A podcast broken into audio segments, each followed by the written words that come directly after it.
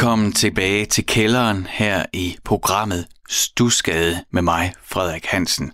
Stusgade er det her nye program på Radio 4, hvor jeg får lov til at spille noget god musik og sætte din weekend i gang med det, og samtidig også nysgerrigt opsnuse kilderne til, den, til de, de oplevelser, de mennesker, til den musik, der har formet vores musiksmag.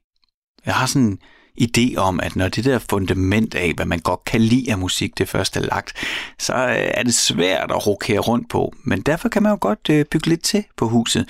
Og min, min mission med programmet, det er i virkeligheden bare at, at inspirere dig og spille noget nyt musik for dig. Måske ikke nødvendigvis nyproduceret, men noget musik, du måske ikke lige har hørt før, og giver dig, som jeg håber, giver dig lyst til så at dykke videre ned i og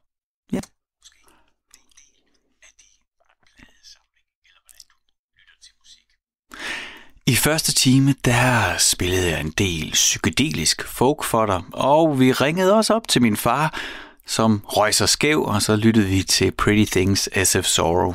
Hvis du skulle være så uheldig at gå glip af den oplevelse, så kan du jo selvfølgelig finde øh, programmet på vores hjemmeside, radio4.dk, eller du kan hente programmet Stusgade som podcast, der hvor du nu henter din podcast. Programmet hedder Stusgade, fordi der er mit hus, og i mit hus, der er min kælder, og i min kælder, der sidder jeg og sender radio til dig. Anden time er altid med en gæst, sådan vil det også være fremover, og aftens gæst er Allan Olsen. Det har jeg set rigtig meget frem til. Han er på vej herind lige nu, og jeg glæder mig til at have en samtale med ham om, hvilke kilder, der fik ham til at åbne ørerne op og sjælen op for musikken, også en sådan nysgerrig på, hvilke kunstnere eller hvilket nummer eller hvilken musik, der gjorde, at han selv skrev, greb gitaren og begyndte at spille. Og der kan det være, at han har noget, han vil dele med os også. Men inden han kommer ned af trappen og sætter sig her i kælderstudiet, så tænker jeg, at jeg skal spille en af hans sange. Allan Olsen er sådan en kunstner, som for mig er mega cool. Og det vil jeg godt forklare, hvorfor jeg mener det. Der gennem 90'erne og 0'erne, hvor jeg sådan mødte musikkens verden, og den væltede ind over mig. Jeg skulle forholde mig til alle mulige ting, der var nye for mig. Også selvom jeg øh, dyrkede enormt mange ting fra 60'erne, så var de jo stadigvæk nye for mig. Der var Allan Olsen en kunstner, man skulle forholde sig til, men han spillede jo en genre, som ikke var mig. Øh, altså hele det her singer-songwriter folk, det sagde mig slet ingenting. Jeg skulle høre noget med huer og, og nogen, der var ved at komme op og slås med deres guitar. Altså det, det, det der med at sidde og, og klimpe på en guitar, det var ikke rigtig lige mig. Heller ikke de kilder, som jeg vil gætte på, at hans inspiration skal... Ej, det, det gætter jeg ikke. Det ved man jo godt, at, at, at han nok godt kan lide Bruce Springsteen, Bob Dylan og folk øh, i den kaliber. Og det var heller ikke noget, der sagde mig noget. Men alligevel, så glemmer jeg aldrig, da jeg første gang hørte Taberens søn med Allan Olsen. For der blev jeg nødt til at lægge alle mine fordomme, og lægge alle mine idéer om, hvad jeg synes var fedt og rigtig musik, og så bare lytte til den fortælling, Allan Olsen han fortalte. Så den synes jeg, vi skal lytte til nu, og øh, når vi kommer tilbage på den anden side af sangen, så er øh, Allan Olsen kommet herned i kælderen.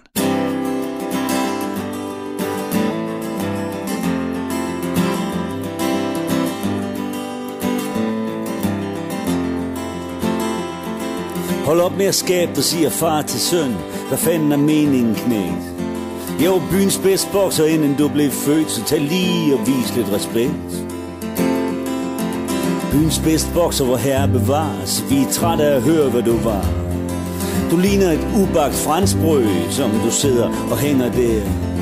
Tror du ikke, jeg har set de billeder, mor gemmer at dig talte du i en ring? Hvordan du ligger og råder på kanvasen, mens folk står og griner rundt omkring.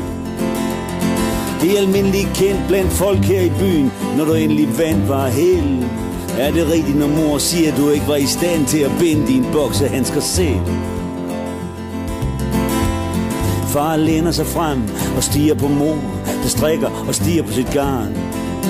Hvad er det nu for noget, går I to og snakker, mens en anden en må tage sin tørn? Du skulle hellere fortælle ham, hvor håbløs du var, da vi lærte hinanden at kende.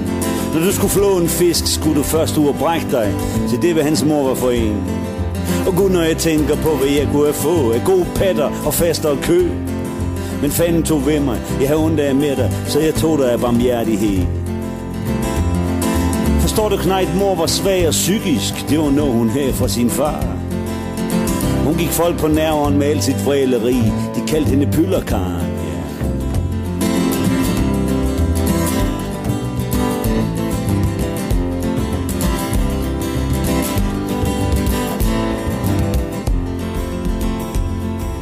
Mor holder masken, hendes øjne er blank, det er jul, hun vil helst holde fred. Alligevel brænder der en djævel i hende, der må fyre trumfen af. Hvad navn angår, og knejt, når han skåler, at han ikke er til at drive derhen. Så skyldes det måske, de har givet ham et navn, og det navn er taberens søn. Far mærker, hvordan det kribler i næsen. Han skal ud af den her barak. Som en knu på savannen i hyenernes flok, kan han mærke det, nu han skal væk. Udenfor på terrassen er der koldt, det er nat. Vi juler, hvad rager det ham? Han har faktisk tænkt sig at holde sig ædru i år. Nu kan jeg være det samme. Han pisser i sneen uden at holde ved, og tænder en smøg imens. Og kigger på haven via hækken silhuet. Den her bitte verden er hans. For det har man knoklet lige i sin med år 17, men nu takker verdens løn. Nu har man en knejt, der ikke vil i skole, fordi de kalder ham taberens søn. Der tændes lys i et vindue i boligkaren, mod vest et par gader herfra. Tænk at flytte ind i den slags kasser, det er vel det, man har minker til. Han begynder at mindes, da han selv voksede op, hvordan der var pyller røv nok. Hvad med en type som vejmandens Erik, der trods alt var det største pjok. Han var dum til at regne, han var dum til at skrive. I gymnastik var han bedst til at vrede. Men han var god til at sladre, så nu er han i Føtex, hvor han lurer på, om folk vil stjæle. Og hvad med Jørgen, der ikke måtte bokse for hans mor, fordi hun synes, hans næse var så pæn? Man kan sige, at Jørgen aldrig blev taber, fordi han aldrig stak snotten frem.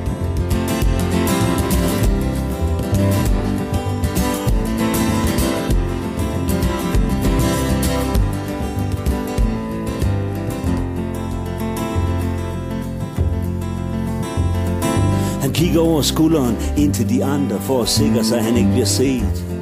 Så stepper han og ruller og dukker for hug, som de hug, der engang sendte ham ned. Jo, gud tabte han mere, end han vandt dengang, men her Gud, det var ungdomspjat. Men en ting er sikkert, han gik aldrig i bagland som alle de andre skvæt. Knejten er han, så hun er også okay, i halvmørk stadigvæk køn. Om lidt vil han ind, han skal lige ryge færdig, og så vil han ellers lade som ingenting. I morgen skal Knejten fanden rasme i skole, og taberen går med ham derhen. Så Knejten kan se, at det er faktisk helt okay, hvad ham de kalder taberens søn.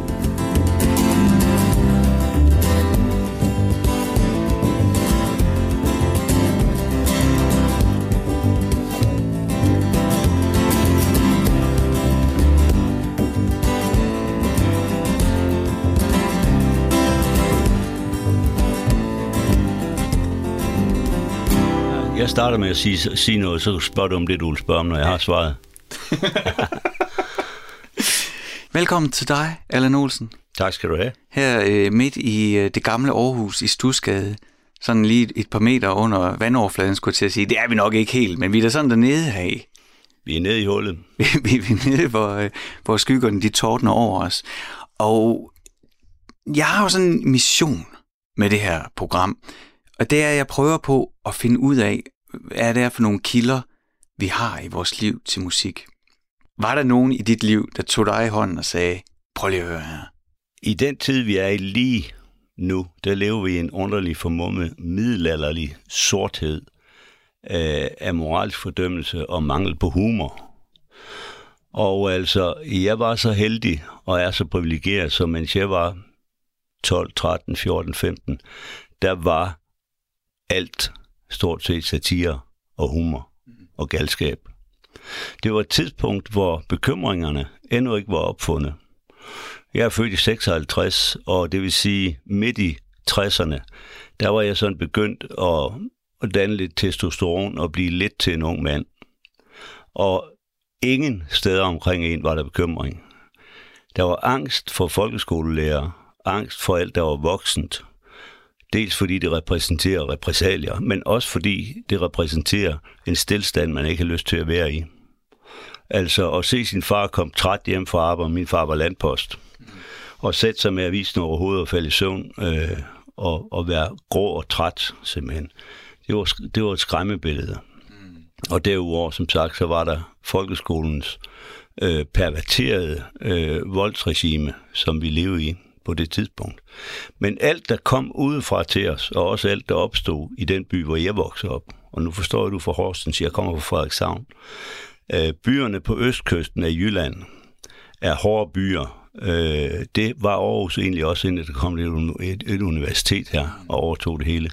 Men den øst, østkysten i Jylland er et, et, øh, var i hvert fald et proletarbælte af Randers, Vejle, Horsens, Kolding øh, og længere op af til Aalborg Frederikshavn.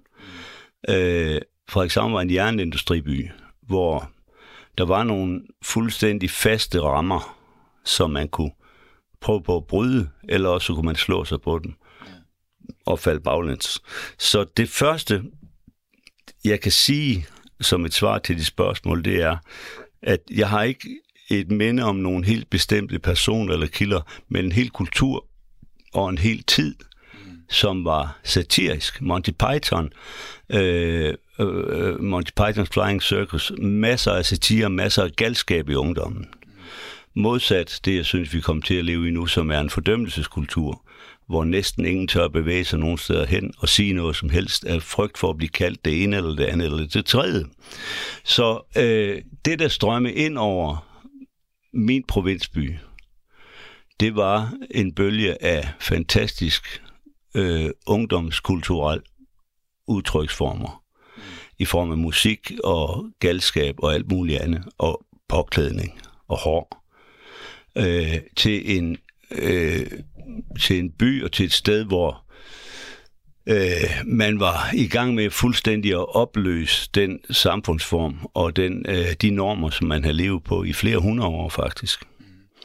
Og, og det var sådan set inspirationen i sig selv. Det var tanken om, og det man fornemmede ved det, der kom udefra, det kunne være især være selvfølgelig rockmusik og, og, og, og hvad der var singer-songwriting, hvad der var moderne.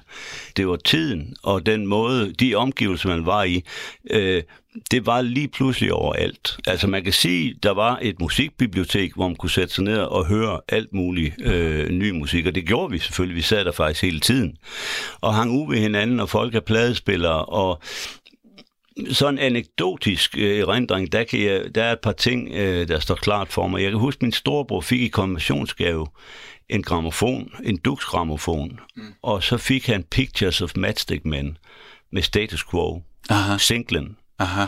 Og altså, øh, min far var ikke ligefrem stereoteknisk begavet, så han havde været nede hos radiomontøren og købt gramofonen. Og min storebror fik den i gave, og vi stod ved køkkenbordet alle sammen, og min far vi insisterer på, at man skulle være den, der satte nålen på den første gramofonplade i vores hjem. Mm. Og han satte nålen på, og vi kunne godt høre, der foregik et eller andet nede i rillerne, men der kom ikke ret meget lyd ud. Og, og han bandede og svoglede det, fordi han var statsmandsansat, landposten, så han ville have, det skulle være orden i tingene. Så han tog gramofonen under armen og cyklede ned i, i, til radiomontøren og, og bankede i bordet og sagde, den her gramofon har jeg købt til min søn, og den siger ingenting. Og så sagde ekspedienten til ham, har du overvejet at købe en højtaler?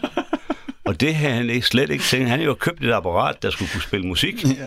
Så det var det, det var, øh, og, og, og, og, så, og det der ligesom første gang for mig, øh, i det slæng, hvor jeg var, øh, hvor man hang ude ved hinanden øh, i, i sterinlys tilsåede værelser rundt omkring, der, øh, hvor der blev spillet altså den musik, vi hørte, altså Stones, Creedence, Clearwater og The Who. Altså man var enten til Stones og Who, eller også var man til Beatles, ikke? Mm. For, mig, for os var, i det slænge jeg var i, der var Beatles, man kunne ikke kalde det rigtig rock, fordi John Lennon har runde briller, og man kan ikke spille rock med runde briller. Mm. Øh, og det var også for indviklet. Hvor Stones og Who havde en aggression og en power, som tiltalte os meget mere og som lå latent i os øh, over den angst, vi havde fra skolen. Mm. Øh, og altså, øh, der var en fyr, der hed Per, som havde en, en 12-strenget højre guitar, akustisk guitar. Øh, og det ville han gerne sælge, øh, og der er ved 14 eller 15. Det ville han gerne sælge, og han påstod, at han havde tilhørt Donovans fætter. Mm Det er jo sådan en typisk historie lige at få på det, fordi Donovan var ret stort navn på det tidspunkt. Måske hans fætter ikke så stor. Nej, det er jeg ikke sikker på, at anekdoten holdt, men, men jeg blev i hvert fald besat af tanken om at købe den guitar. Den ja. skulle koste 400 kroner. Okay. Og det var min konfirmationspenge. Jeg havde liggende hjemme i min mors kommodeskuff. Øh, og som hun har forestillet sig, at skulle gå til et eller andet, øh, der havde lidt fremtid i sig. Men jeg endte med at købe den guitar. Og det interessante, ved, ved, grunden til, at jeg husker det så tydeligt, det er, at Frederikshavn er en by, der er meget skarpt opdelt i en nordby og en, og en sydby. Okay. Det er en meget lang by. Frederikshavn har Danmarks længste hovedgade. Mm det er selvfølgelig en smal by, den ligger langs kysten, men en meget lang by. Ja. Og man kom enten fra Nordbyen eller fra Sydbyen, okay. og man kom, kunne aldrig finde på at krydse den grænse. Altså, det var rent Belfast, Ulster, altså det var virkelig den vej der. Alt efter hvor fundamentalistisk man var, mm. lagde man et skæld på den anden side af den her vej, øst-vestgående vej, der har vi Nordbyen. Ja. Problemet var, at ham her med gitaren, han boede i Nordbyen. Ja og jeg kom fra Sydbyen. Så om natten kørte jeg sammen med min, min gode ven Jan Gert, vi kørte på hans øh, øh, tregears puk op til Nordbyen i ly af mørke uden lys på, og op til Per og købte den her guitar, og vi fik den hjem til vores reservat, uden at blive overmandet på nogen måde, for det var livsfarligt. Ja, ja. Faktisk så kom jeg først, øh, jeg kom først til Nordbyen, da jeg var omkring, jeg var sidst i 30'erne, første gang jeg var oppe i Nordbyen, hvor jeg var hjemme for at spille sammen med Johnny Madsen i øvrigt, og, øh, og ham og mig kørte derop i min, øh, i min bil og kørte igennem de her gader, Horsensgade, Viborggade, Aarhusgade, Randersgade, virkelig noget ros. Og Johnny var fuldstændig op at køre, fordi det minder ham om Liverpool eller Manchester eller sådan et eller andet. Øh, og der kom man bare ikke. Men jeg fik hentet en guitar hjem på det reservat, til mit reservat. Det var min første guitar. Ja, okay. Og min første erindring øh, om at kunne spille noget, det var det, det var det, der var det mest geniale ved Dylan. Det var, at modsat at høre et rockorkester, hvis du hørte Pink Floyd på dit værelse, hvordan skulle du angribe det, hvis mm. du selv ville skabe ja, ja, okay. det? Det var håbløst. Ja. Men og spille Dylan's Blowing in the Wind, det tog cirka 10 minutter at lære de tre akkorder, der er i den. Og så kunne man synge den, og, og tro, man var noget. Fordi det hele drejer sig, når det kommer down to it, kun om piger. Det drejer sig kun om, at hvis man havde så stor en næse, som jeg havde, som Pete Townsend selv siger om sin næse, this hooter in the middle of my face, mm. så må man finde en anden vej til pigerne. Mm. Og det lå med min testosteron øh, spirende, øh, øh, du ved, øh, pubertet, der lå det øh, et eller andet sted, hvis man kunne, hvis man kunne altså beherske lidt på en guitar, mm. så kunne man måske blive interessant ved pigeren, selvom man har en stor næs. Jamen, det kan jeg jo kun genkende, fordi jeg brugte hele, alle mine teenageår på at sidde foran en Commodore Amiga og en Commodore 64, og ja. da jeg var 17 år... Det er da ikke meget fisk i. Jeg bytter lige ud med en guitar. Allan, nu har vi øh, lige sådan taget de der øh, formative år, og, og jeg er jo så nysgerrig på kilderne og, og hvad der er tændt ild i dig. Hvis vi skal spille et stykke musik nu, der skal indkapsle det, vi lige har talt om, hvad skal vi så lytte til? Problemet er, at der kunne vi spille, øh, ja, fandme alt muligt, men øh, på en eller anden mærkelig måde husker jeg, at min storebror havde en single, hvor Dylan synger den sang, der hedder A Man of Constant Sorrow. Mm-hmm. Og jeg ved, Dylan har sunget den sang tidligt i 60'erne. Jeg har set det på YouTube, hvor det ligger. Jeg kan ikke forstå, at den har eksisteret på en single, men jeg husker, at min storebror havde den plade som single og spillede den på sin duksgramofon, efter min far fået købt en højtaler. Så hvis du kunne finde den gamle version af den sang med Dylan, det var nok det, der gav mig sparket til give us a job, I can do that. Mm-hmm. Som jeg også sagde i, i den tv-serie, der hed uh, When the Boat Comes In. Mm-hmm give us a job, I can do that. Mm. Jeg tænkte, kan det du, kan jeg også gøre det der. Så øh, kan du rulle en cigaret? Jeg ruller. I am a man of constant sorrow I've seen trouble all my days I'll say goodbye to Colorado Where I was born and partly raised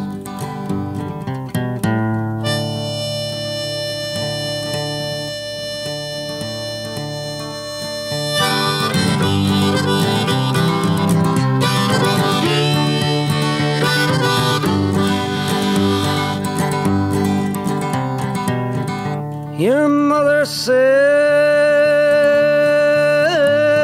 I'm a stranger My face you'll never see no more. But there's one promise, darling. I'll see you on God's golden shore.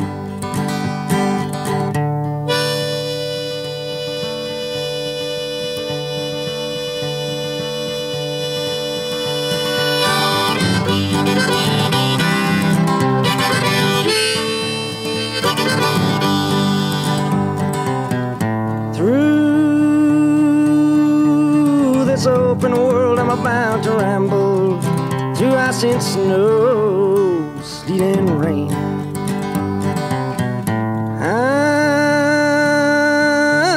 I'm about to ride that morning railroad. Perhaps I'll die on that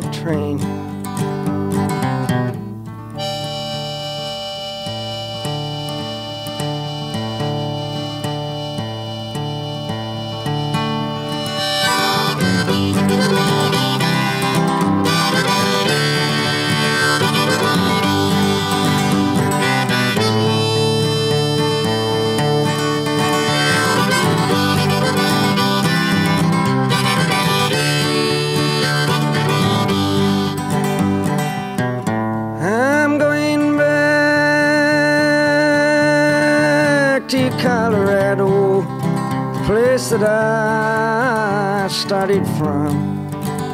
If I know how bad you treat me, honey, I never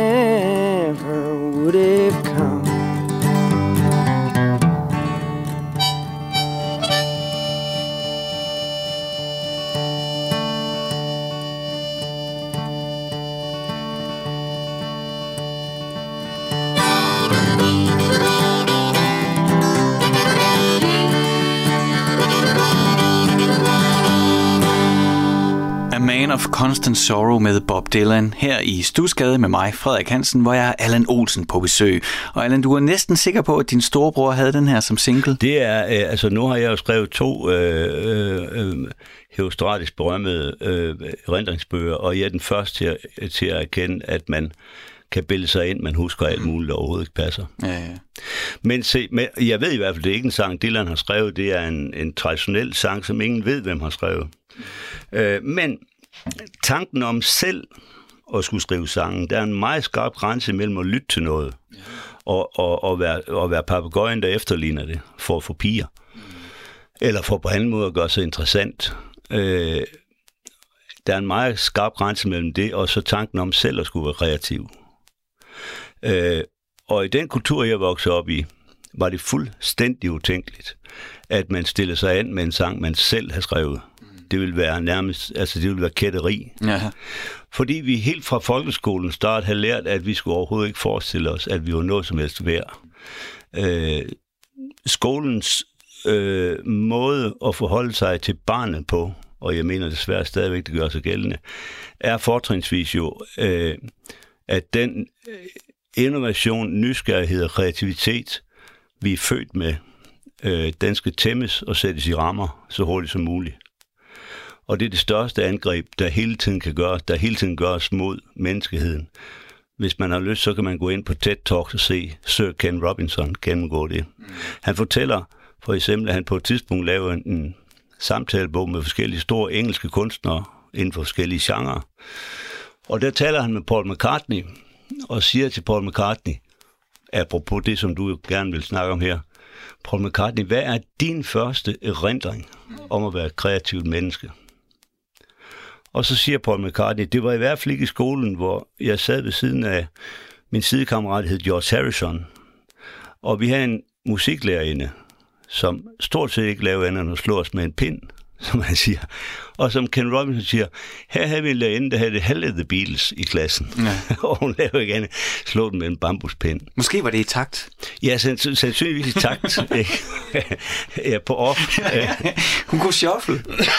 Men det samme, samme regime gik øh, jeg jo, og gik vi jo i skole under, og, og, og vi har allerede lært, da vi er været i skolen i 3, 5, 7 år, hvor længe det skulle til, at, og allerede inden det, at man skulle ikke stille sig frem på nogen måde. Så øh, blev færdigheden over for tanken om overhovedet at være kreativ selv og skrive sange. Og, og, og det, var, det var slet ikke noget, der kunne falde en ind.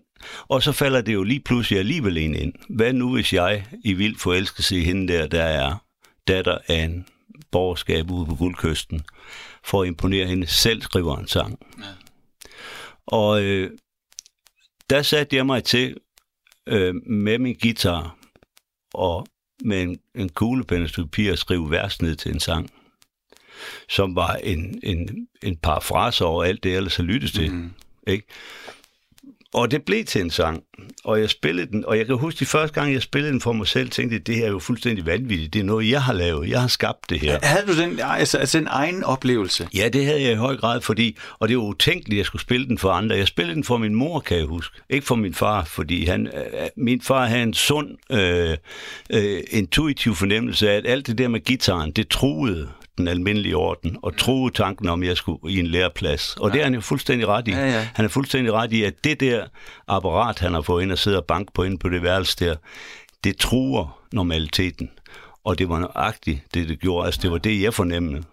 Det var, at den her, den er en redning ud af normaliteten, den her guitar. Og det er, som Springsteen har sagt, det drejer sig om at få fat i en guitar, get some wheels and get the hell out of freehold. Ikke? Den samme følelse. Og, øh, og, og da jeg skrev den sang, så var det ligesom, det var ligesom en mødom, der skulle springes. Altså så tænkte jeg, okay, så kan jeg skrive flere. Øh, og jeg begyndte at skrive min egen sang, øh, men jeg spillede dem ikke rigtig for nogen. Heller ikke for den pige der, fordi det ville have været mærkeligt. Man, man vil blive opfattet som en lille smule sær, mm. lidt sekterisk og underlig, måske næsten som et Jehova-barn. Så det var utænkeligt. Men følelsen af at have skabt noget selv, den, den var fantastisk. Okay. Så kommer vi jo så længere frem, hvor jeg vil sige første gang, øh, fordi min, altså, man skal huske på det tidspunkt, altså op i 70'erne, der var der en sangskrivning i Danmark, som var det, man kaldte agitpop, det vil sige politisk orienteret ja. sangskrivning. Og øh, som UNESCO øh, teatermand engang sagde, der er det problem med politisk kunst, at enten så er den rigtig godt kunst, og så dur det ikke politisk, eller også så virker det politisk, og så er det noget elendig kunst. Ja. Hvad der gjorde sig gældende herhjemme, det skal jeg ikke kunne sige, men den sangskrivning, der var på det tidspunkt, var en rigtig, rigtig dårlig sangskrivning. Det var rigtig dårligt håndværk, øh, og, øh, og ulideligt at høre på, og jeg tror da ikke, der er nogen politisk effekt, så det var der slet ikke. Og der var i hvert fald ikke noget, som jeg på nogen måde synes tog udgangspunkt i noget, jeg kendte og kom fra. Nej. Og første gang jeg så hører en sangskriver, jeg tog til Jødeborg, Frederikshavn, og Jødeborg ligger over for hinanden, og Jødeborg er virkelig en stor by, en fed stor by. Det der, jeg kan ikke sige nok godt om Jødeborg i forhold til Stockholm. Øh, og vi tog over med færgen. Man kendte altid nogen, der arbejdede ved færgen, som ved Stene eller Cæsar. Man kunne altid bare komme derover. Og jeg skulle over og købe mig et par boots, et par kopperstøvler. Og jeg købte et par kopperstøvler i Jødeborg og faldt ind i en pladeforretning, hvor der blev spillet noget musik af en, en sanger med klaver, som jeg anså, han måtte være nære med den stemme. Og jeg spurgte, hvad det var, de spillede, og det var Randy Newman. Den plade, der hed Good Old Boys. Og jeg lyttede til det, de spiller. Jeg købte pladen og tog hjem øh, til min mor og far. På det tidspunkt øh, boede jeg stadigvæk i Frederikshavn, og jeg, øh, på, på den gramofon, som nu har fået højtaler også. Der spillede jeg Rand Newmans Good Old Boys tusind gange eller 100 gange, til de var ved at blive vanvittige. Jeg tænkte, hvad fanden er det, han gør? Fordi hans sangskrivning var ætsende skarp og politisk øh, indigneret over for det Amerika, han skrev ud fra. Og samtidig så var det humoristisk. Og vigtigst af alt, det var tekstuelt i hvert fald utrolig simpelt. Det var sindssygt simpelt. Det var sange, som kunne være skrevet om den, den kultur, jeg var vokset op i, den by, jeg var vokset op i. Øh, der var et eller andet der, der fuldstændig ringede en klok for mig. Og jeg tænkte, okay, der er altså en vej, øh, man kan vælge at gå ud af, som fortæller ens egen historie. Mm. i sangskrivning, eller i kunstmaleri, eller i dækning, hvad fanden nu er. Og så begyndte jeg jo altså at lade mig inspirere af hans ting. Og der er et spring fra ham op til Springsteens Nebraska-plade. Det, det spand, der er der imellem, det drejer sig måske om, hvad kan det være, 4-5 år imellem de plader. Da Bruce Springsteen lavede sin Nebraska-plade, der oplever jeg det samme, fordi Springsteen var jo rockstjerne. Ja. Og der var ikke noget, der var mere yt, som det ville hedde ja. i gamle dage, end at spille akustisk guitar. Ja. Det var rock, og man var op omkring sidste 70'erne, lige starten af 80'erne, det var jo altså keyboards, det var jo mm. keyboards, det var synths, det var Moog, det var synthesizer, smart tøj, der var ved at komme. Ingen andre end Springsteen der var så stor, som han var, kunne tillade sig hjemme i sit køkken med udstyr, det minder om det, vi er i, ja. undskyld, nej, nej. sammenligning, det vi sidder i her. Og vi, er, ind, vi er i kælderen. Ja, og indspille en plade på en kassettebåndoptager, øh, 80 på kassettebåndoptager, og med akustisk guitar og mundharp. Den plade, der hedder Nebraska og udgive den, øh, fordi havde ha, nogen gjort det her hjemme, så ville man bare sagt, ah, hvad fanden, folkemusik, mand, ikke? det er jo over de dage. Men fordi han havde så meget power, som han havde, så kunne det lade sig gøre. Og da jeg hørte de sange, der var på den plade, fik jeg den samme oplevelse af, her er en sangskrivning, som relaterer sig fuldstændig.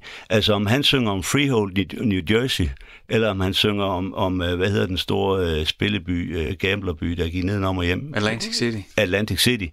Eller om han synger om Horsens eller Frederikshavn. Ja, ja. Det er fuld... Og, og, og, og, og altså hele min karriere har jeg jo i, i, i medier med journalister og så videre, skulle forholde mig til, du er jo fra Frederikshavn, du er jo Vendelbo, du er fra noget, og jeg siger hver gang, det er jeg overhovedet ikke ked af, at du siger, Øh, jeg har ikke noget skam over det, men faktisk det er, at jeg er bare en mand, der er vokset op i en bestemt periode i periferien af den vestlige kultur, ligesom næsten alle er. Om jeg kom fra Wuppertal, Bielefeld, Grimsby, Manchester, Horsens eller Frederikshavn, det er fuldstændig ligegyldigt. Men det er, det er den samme historie. Det er jo også det, du åbner op vores samtale med. Det er jo også, når jeg spørger til en bestemt kilde eller noget anekdotisk, så starter du i virkeligheden med at frame hele tiden og indramme hele den tid, som du ligesom din hvad er det danske ord for coming of age? Da, da du de der 12 til 16 år, der er det jo, det jeg i hvert fald hørt dig sige, det er langt mere den tidsånd, du er i, ja, ja. Der, er, er det, der er din kilde ja. til, hvad der skal ske. Og det skridt, vi nu har taget nu, det er, at, øh, og det, det leder mig hen til mit spørgsmål. Ja. Så der, du Som jeg så har besvaret i lang tid nu. ja, det gør ikke noget. Det er, det er fredag aften, vi har hele, alt, alt den tid, der skal til, og der er cigaretter nok. Ja. Og jeg skal at lægge en bund i vejret nede i din fine lederstol. Ja, men det, det, altså, hernede i kælderen, der kan man gøre alting. og så kan jeg jo lige uh, orientere om, at du lytter til Stusgade med mig, Frederik Hansen, og dagens gæst er Allan Olsen. Og det, som jeg vil spørge dig om, det er, at uh, du har den her oplevelse af, at du lige pludselig kan selv, og du kan skabe noget selv. Og der træder du på en eller anden måde væk fra at være fan og forbruger, lytter til selv at være leverandør og producent, hvis man skal bruge sådan nogle ord. Hvordan oplever du det møde med Randy Newman og Bruce Springsteen på det tidspunkt? Er det sådan kollegialt, eller er det stadigvæk som, som fan? Jeg tror faktisk, det er så kollegialt, så jeg var på det tidspunkt allerede overbevist om, at om jeg så tog alle deres sange øh, og gjorde det ulovligt, som det ville være, og genindspille dem på dansk, ja. uden at spørge om lov, så ville jeg få en helvedes ballade med nogle pladeselskaber. Ja. Men jeg var slet ikke kommet i tanke om øh, nærheden af tanken om at indspille plader. Men jeg havde en klar fornemmelse også, at de ville synes, det var okay. Ja. Altså som Dylan sagde, da han blev spurgt om, om han var klar over, at der var nogen, der havde stjålet den der, øh, de der de linjer fra en af hans sange, og så sagde han, I steal from everybody. Ja. Øh, der er ikke noget, der hedder stjæl på den måde, bare vi fortæller den rigtige historie. Ja, det skal selvfølgelig være i orden. Det er den der, jeg hugger ikke for nogen, jeg stjæler for alle. Ja, nemlig. Men, øh, og, og, og, og, og, altså, øh, og nu er jeg blevet så gammel og har været der så længe, så, så jeg ved, der er folk, der bruger ting af min, og jeg synes kun, det er bærende. Altså, jeg synes, det er, Folkeklubben brugt øh, ting fra, fra nogle af mine sange, jeg synes, det er fedt, som jeg har sagt, også det klart, han bliver ved med det. Men, men altså, jeg tror faktisk, at, at øh, at det, der nærmere skete, var, altså øh, det, der chokerede mig, ved selv at begynde at sidde og skrive og skabe noget selv, det var jo, øh, og det er jo noget ret spændende, der sker i den samme periode, at indtil, indtil først midt i 60'erne, der havde samfundet bestået som et kollektiv, hvor mængden, flertallet, almenvældet, som staves uden D, det skal man huske, var vigtigere end individet. Hvad individet bestod af, var sådan set ikke så væsentligt. Det drejer sig om at få mad hjem på hylderne og få lønningsposen hjem. Og for min fars vedkommende som statsansat landpost, drejede det sig om at sikre sin kone og børn en statsmandspension, som min mor lever godt af nu om dagen. Men tanken om, at man selv var noget, og selv skulle stå frem og stikke næsen frem, den var kættersk. Og det var det, der skete, det var, at i det øjeblik, hvor jeg begyndte at skabe noget selv, som trådte ud af, af, af, af det kollektive, der blev jeg til et individ lige pludselig. Og det var ikke noget, man uden videre kunne tillade sig at være. Der i lå skammen. Skammen for at træde ud af flokken og stille sig an. Og hvor den kommer fra, jeg tror, den ligger i, i, i et hvert sundt barn, øh, alt efter hvor kue man er blevet. Men igen, når man er, når man er i den alder øh, i, i puberteten, så har man en kamp i sig imellem det at vil være et individ, eller at være en del af flokken. Og jeg tror, vi alle sammen helst vil være individer. Mm. Tror du det? Forhåbentlig, ja, forhåbentlig på baggrund af at opføre sig ordentligt i flokken. Ja. Øh, fordi vi har alle sammen noget unikt at, at, at give. Og jeg har ikke noget, der er mere unikt end alle andre. Jeg har bare haft det privilegium ikke at skulle bestille noget hele ja, ja. mit liv. Jeg har kunnet tillade mig at sidde pjat med min guitar, som jeg gjorde, da var 14. Jeg gør nøjagtigt det samme nu, og jeg har aldrig gjort andet. Og min gamle far, før han døde, sagde han jo til mig, øh, det der pjat. Og jeg har aldrig sagt ham mod. Jeg har sagt, ja, det er pjat, men det er noget godt pjat. Og altså, han var jo, altså jeg mener, jeg var jo jeg var sidst i 50'erne, da han stadigvæk, når vi sad til bords hjemme ved min mor, skulle til at spise, og hun havde lavet maden, som det skal være, der kunne han godt finde på at skubbe en lille annonce fra lokalavisen over til min kuvert, hvor der stod lagerforældre søges. og sige, at det pjat, du laver, det kan du ikke uh, se nu her, der er et arbejde. Ikke? Han overgav sig aldrig Nej. til det her pjat. Men Allan, vi kommer jo også fra flokken. Altså, vi er jo kun i dag, fordi vi er holdt sammen som bestemt, flok. Bestemt, Kan du ikke overleve som individ? Nej, nej, nej, men, men individet kan overleve i flokken, hvis ja. flokken er god. Ja. Og, og, og, og, og det, som jeg bliver ved med at vende tilbage til, det som folkeskolen forsøgte at udviske ved os, det var en hver form for individuel opførsel. Og det er desværre det samme, der sker nu. Altså, øh, det er svært at være dreng i folkeskolen i dag, fordi det er en feminiseret verden. Man lever i hele vejen op igennem institutionerne, og enhver, der opfører sig en lille smule intuitivt øh, øh, balstyrisk eller øh, udfarende og individuelt i den flok vil pille ud. Mm. Altså, da jeg var knægt, der boede skoletandlægen i kælderen, nu bor skolepsykologen der, ikke? Ja, ja. Ja. Jamen, jeg har en, øh, en søn på 6 år, der lige startet i skolen, så jeg kigger jo meget, meget spændt på. Men han er jo han er så en af dem, som, øh, som godt ved, at øh, hvis man får at vide, at man skal sidde stille, så, øh, så går alting lettere, hvis man gør det. Men vi må se, hvordan det Det er også rigtigt, det. det gør det. Men, og, og, jeg kan huske, at min knægt, han var, han var lille, jeg tænkte, skal jeg håbe på, at han bliver en, en, øh, en ballademager i klassen, så jeg hele tiden skal løbe til forældremøder øh, og høre brok, eller skal jeg håbe på, at han bliver en, der bare sidder og, og bliver federe og federe øh, bag ved en computer. Mm. Han blev heldigvis en af dem, der lavede ballade. Mm.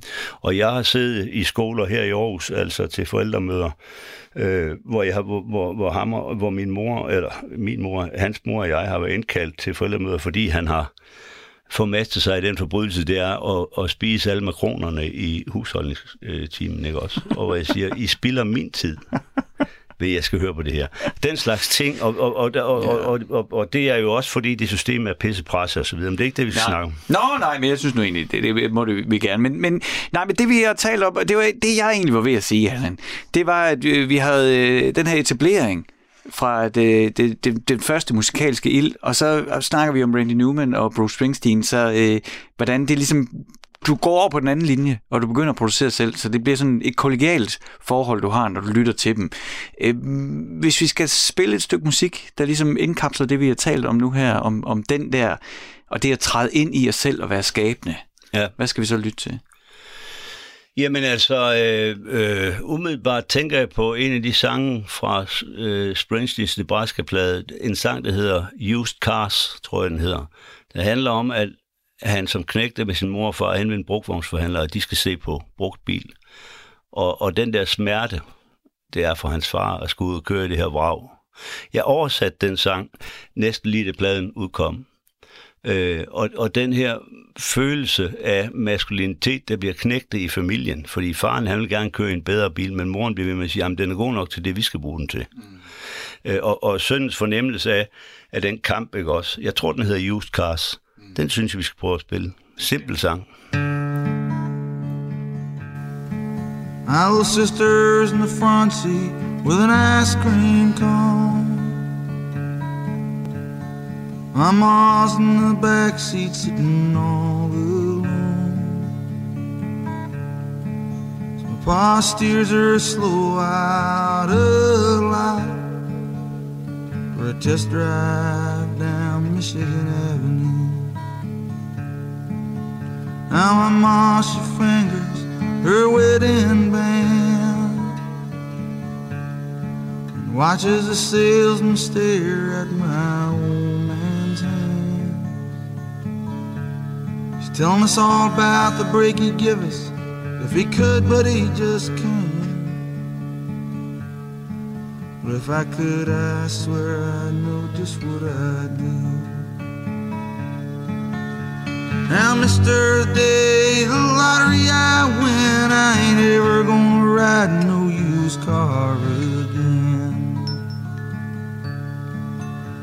Now, the neighbors come from near and far as we pull up in our brand new used car. I wish you just hit the gas and let out a cry. Tell them all they can kiss our asses goodbye.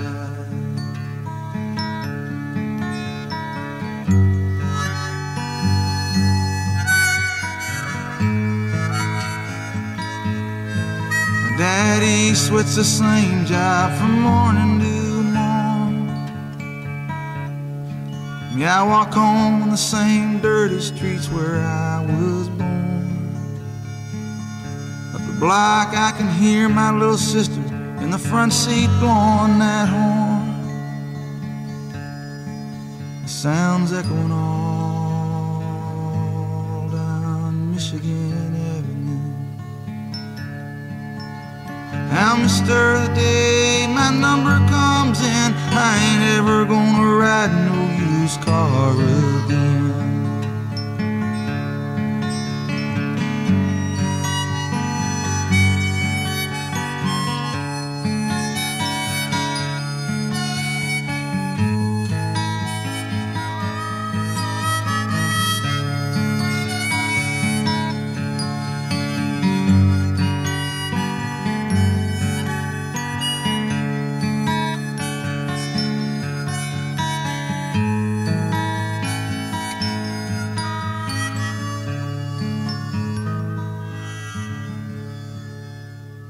Bruce Springsteen, Used Cars fra albummet Nebraska. Du lytter til Stusgade med mig, Frederik Hansen, og min mission med det her program, det er jo at dykke ned i kilderne, de musikalske kilder i vores liv. Både som lytter, som fan, som kunstner, som forfan, hvem vi nu end er. Ja. Hvem er det, der tager os i hånden, eller hvad er det, der gør noget ved os, øh, som introducerer os til ny musik. Og ny musik kan jo også være gammel musik. Det er jo nyt, hvis det er første gang, man hører det. Ja. Og hvis jeg lige skal hurtigt øh, indkapsle her, så, øh, så har vi snakket om din tid, øh, sådan der fra 12 til 16 år sidst i 60'erne, hvor du øh, blomstrede op samtidig med musikken, den i den grad blomstrede op, og det var sådan en kilde til for dig, til også altså, hele din eksistens, hvordan du skulle basere den, og hvordan du så tager springet til at selv at begynde at skrive noget på den der guitar, og så øh, møder Randy Newman og øh, Bruce Springsteen og folk af den her kaliber, som så på en måde bliver dine kolleger jo. Så kunne jeg godt tænke mig her at, at runde af med hele, hele min drøm med det her program jo. Det er jo, at, at jeg synes jo, det jeg synes jo altid, det er... Kender du det der med, hvis man ser et tv-afsnit, og så er der et eller andet stykke musik, og så bliver du nødt til at finde ud af, hvad det er. Og så kommer man lige pludselig på sådan en rejse. Nå, gud, ja, ja det er det. Nej, det var sgu for det free-album. Det er da ellers ja. ret godt. Ja. Og så kommer frem, og så ser du lytter plade. Det er ja. det, jeg godt vil ved det her ja. program. Ikke? Okay. Det, der, det der med, nå gud, det må jeg heller lige tjekke ud. Ja. Altså, jeg synes, jeg lykkes med det her program, hvis, når man er færdig med at lytte her, at man lige tager telefonen, eller hvad man nu end bruger på at søge ja. på, ja. og går på YouTube, eller hvor man nu end finder sin musik, og lige, du ved, fortsætte den rejse, vi er sat i gang. Ja. Det her, det er, jo, det er jo en helt umulig legacy at lægge over på nogen, men alligevel. Det er klart, det er det. hvis, du, øh, hvis du sådan skulle give noget, du gerne... Hvis der er, noget, du, er der noget, du gerne vil give videre? Altså, Altså- nu, nu er det dig, der er kilden. Ja. Nu er det dig, der kan give noget videre til mig og til os, der lytter. Men så lad os tage et spring mere, fordi hvor, hvor er musikken så havnet nu? Og der er det eneste, jeg synes, jeg hører øh, og har hørt øh, i mange år her, det er øh, rap og hiphop, som bærer en fakkel videre i sangskrivningen. Ja. Øh, og jeg vil sige, at øh, og, og der vil jeg igen tage, altså øh, det første, noget af det første, som jeg husker fra rappen, det er Tupac. Ja. Øh, Tupacs måde at rap på og ligge omkring et beat og så videre, er så for mig det, der starter en ny æra, som jeg stadigvæk godt kan fascineres af. Og det er jo altså af god grund ikke det kompositoriske, fordi som Keith Richards siger, han synes rap er dårligt, fordi melodierne er simpelthen elendige. Men altså, flowet og den måde at, at udtrykke sig på, som Tupac er en af de første, der gør, efter min mening. Og det er jo også, kan man sige, autentiske, eller det opleves som autentiske ærlige fortællinger ja, om ja, og det, det er, altså, øh, er det autentisk, eller er det fiktion? Altså, det kan man sige om, om alting. Ja, jo. På den her, for mit, for mit vedkommende debut på, på Radio 4, Ja, fordi jo, vel. jeg er sådan en, der, der laver vaner, og så hold- altså, det tog mig otte år at vende mig til øh, 24-7, ikke, og så døde det. Ja. Og så er jeg på P1 igen, men altså, nu skal jeg også i Radio 4. Ja. Så øh, det er næsten som Carsten Jensen skriver i sin lille bog, der hedder Sjælen sidder i øjet øh, en ældre dame, der ligger på dødsleje, og det var lige da lokalradioen, de var kommet frem. Og det sidste, hun siger, det er, nu skal jeg dø, og jeg er endda være i radioen. så et eller andet Tupac. Ja. Men ved du hvad, Allan, det uh, arrangerer vi og, lukker programmet af på uh, Tupac, og så vil jeg sige uh, tusind tak, uh, fordi at du vil hjælpe med det første program her. Det er jo, det, det er jo pilotafsnit. Vi er i gang med piloten. Det er piloten, Vi er i gang med piloten, vi laver lige nu. Perfekt. forhåbentlig bliver det til mange flere. Og, øh, ja, og tillykke med debuten i Radio 4. Ja, tak skal du have. Men Det er godt, det ikke er lavt. 60, 60 millioner om året ja, af vores licenskroner. Du. Og det, der er fantastisk ved Danmark, det er jo, at havde det her været i Armenien, så, så har de der mennesker jo hængt fra deres slips hen på tankstationen og dingle nu. Men vi finder os i alt. Ja. Vi, finder- selvom der har været høringer hele lort, og man har, ja, det er ikke engang lort, det er ikke engang svindel og humbug, ikke godt? Vi fortsætter med, vi betaler vores skat, som om ingenting var sket. Det er, den, det, er den, det er den fineste udvikling af den menneskelige kultur i den vestlige verden, vi kan komme til. Allan, jeg synes, det var det helt rigtige ord at lukke af på. Tusind tak, fordi du var med. Velbekomme. Big sight. New. Hey. Big sight. Y'all know how this shit go. You know. All eyes on me. Motherfucker. G. Roll up in the club and shit. All eyes on me. All eyes on me. You know what?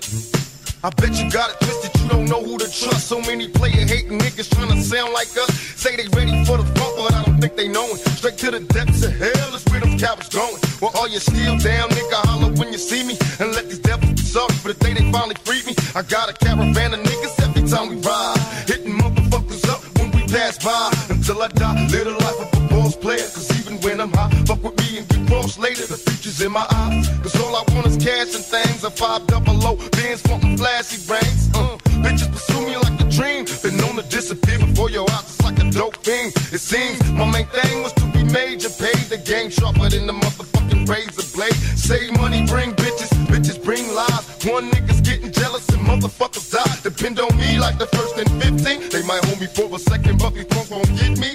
We got four niggas and low riders and ski masks screaming thug life. Every time they pass, all eyes on me.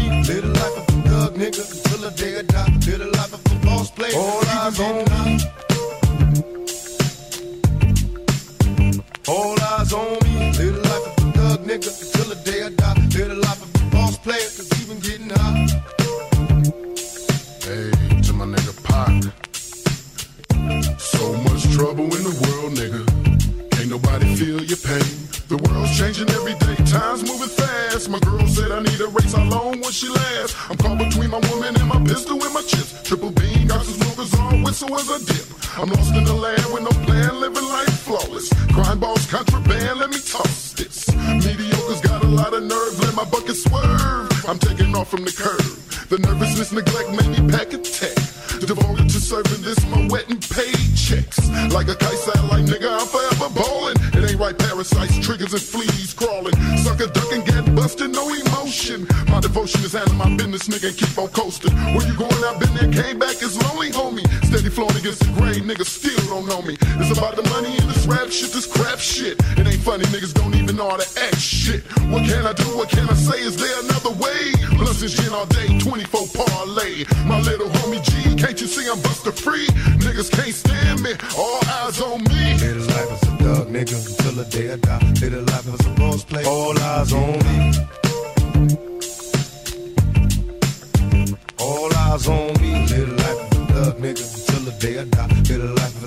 Play, all eyes on me. The fans is watching, plotting to get me. Will I survive? Will I die? Come on, let's picture the possibility giving me charges. Lawyers making a grip. I told the judge I was raised wrong, and that's why I blaze shit. Was hyper as a kid, old as a teenager. On my mobile, calling big shots. On the scene, major, packing hundreds in my drawers. Fuck the law, bitches. I fuck with a passion. I'm living rough and raw. Catching cases at a fast rate, balling in the fast lane. Hustle till the morning, never stop until the cash came. Live my life as a thug, nigga, until the day I die. Live my life as a boss player, cause even getting high. These niggas got me tossing shit. I put the top down, now it's time to floss my shit. Keep your head up, nigga, make these motherfuckers suffer. Up in the bins, burning rubber. The money is mandatory, the hose is for the stress. This criminal lifestyle, equipped with the bulletproof vest. Make sure your eyes is on the meal ticket. Get your money, motherfucker, let's get rich and real. Kick it, all eyes on me. Live the life as a thug, nigga, until the day I die. Live the life is a boss play. All eyes on me. All eyes on me. Live the life as a thug, nigga, until the day I die. Live the life as a boss player. All eyes on me. All eyes on me. Pay attention, my niggas. See how that shit go? Nigga walk up in this motherfucker. And be like, ping. Cops. Life as a thug, nigga, till the day I die. Live my life as a bitches, cause even getting hot. Every motherfucking body. I got busted souls and police watching a nigga, you know? Live my life as a thug, nigga, till the day I die. Live my life as a boss player. All eyes on me. it's like what they think. I'm walking around with some keys in my pocket. All eyes on me. They think I'm going back to jail. They really on that dope.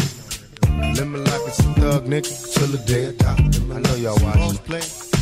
I know y'all got me in the scope. Till the day I. I know y'all know this is thug life, baby. Got me on me. But I'm knowing. Tupac Shakur med All Eyes On Me fra albummet af samme navn. Det fjerde studiealbum, Tupac indspillede, og også det sidste, der udkom, mens han var i live. Man blev jo skudt i hele den her det her opgør mellem Østkysten og Vestkysten. Det skal vi ikke dykke ned i. Allan Olsen har forladt studiet. Det eneste, der står tilbage, det er lidt aske og et væltet askebæger. Det var nu ikke med vilje, han gjorde det. Øh, det er, hvad der er, og så selvfølgelig lige røgende cigaretterne og det gode humør, fordi det var en fornøjelse at have besøg af Allan Olsen, og jeg er glad for, at han vil være med her i det første program af Stusgade, som jo er programmet, du lytter til lige nu. Det her nye musikprogram på Radio 4 med mig, Frederik Hansen, hvor jeg hver fredag får lov til at sætte weekenden i gang her fra 18 til 8 med god musik og historier og sådan dyk ned i en lille smule musiknørderi.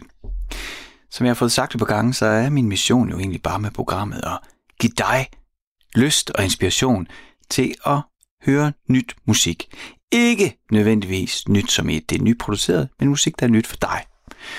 Det kan jo godt være, at der er et eller andet nummer fra 1953, du ikke har hørt endnu, og som du elsker, som lige pludselig sender dig afsted på en ny musikalsk rejse. Og jeg tror, jeg er nok måske i virkeligheden sådan lidt en fundamentalist i, at når først grundstenen er lagt, når fundamentet øh, jeg ved godt, jeg brugte ordet forkert på, men det, det, jeg synes bare, det var sjovt at sige fundamentalist. Men glem nu det. Når, når først fundamentet er lagt for ens musiksmag, så er der nok ikke så meget, der rokker ved den. Men derfor, så kan man godt bygge ud og tilføje. Jeg vil også rigtig gerne høre fra dig.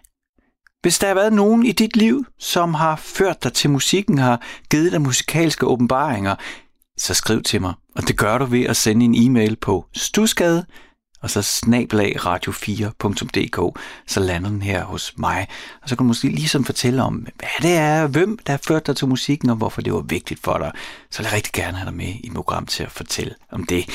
Og lige mens jeg siger det, så går det op for mig, at jeg faktisk oprigtigt glæder mig til næste fredag til endnu mere stuskade, hvor vi får lov til at nørde lidt, og hvor jeg får en ny gæst her i kælderen. Ha' en god aften.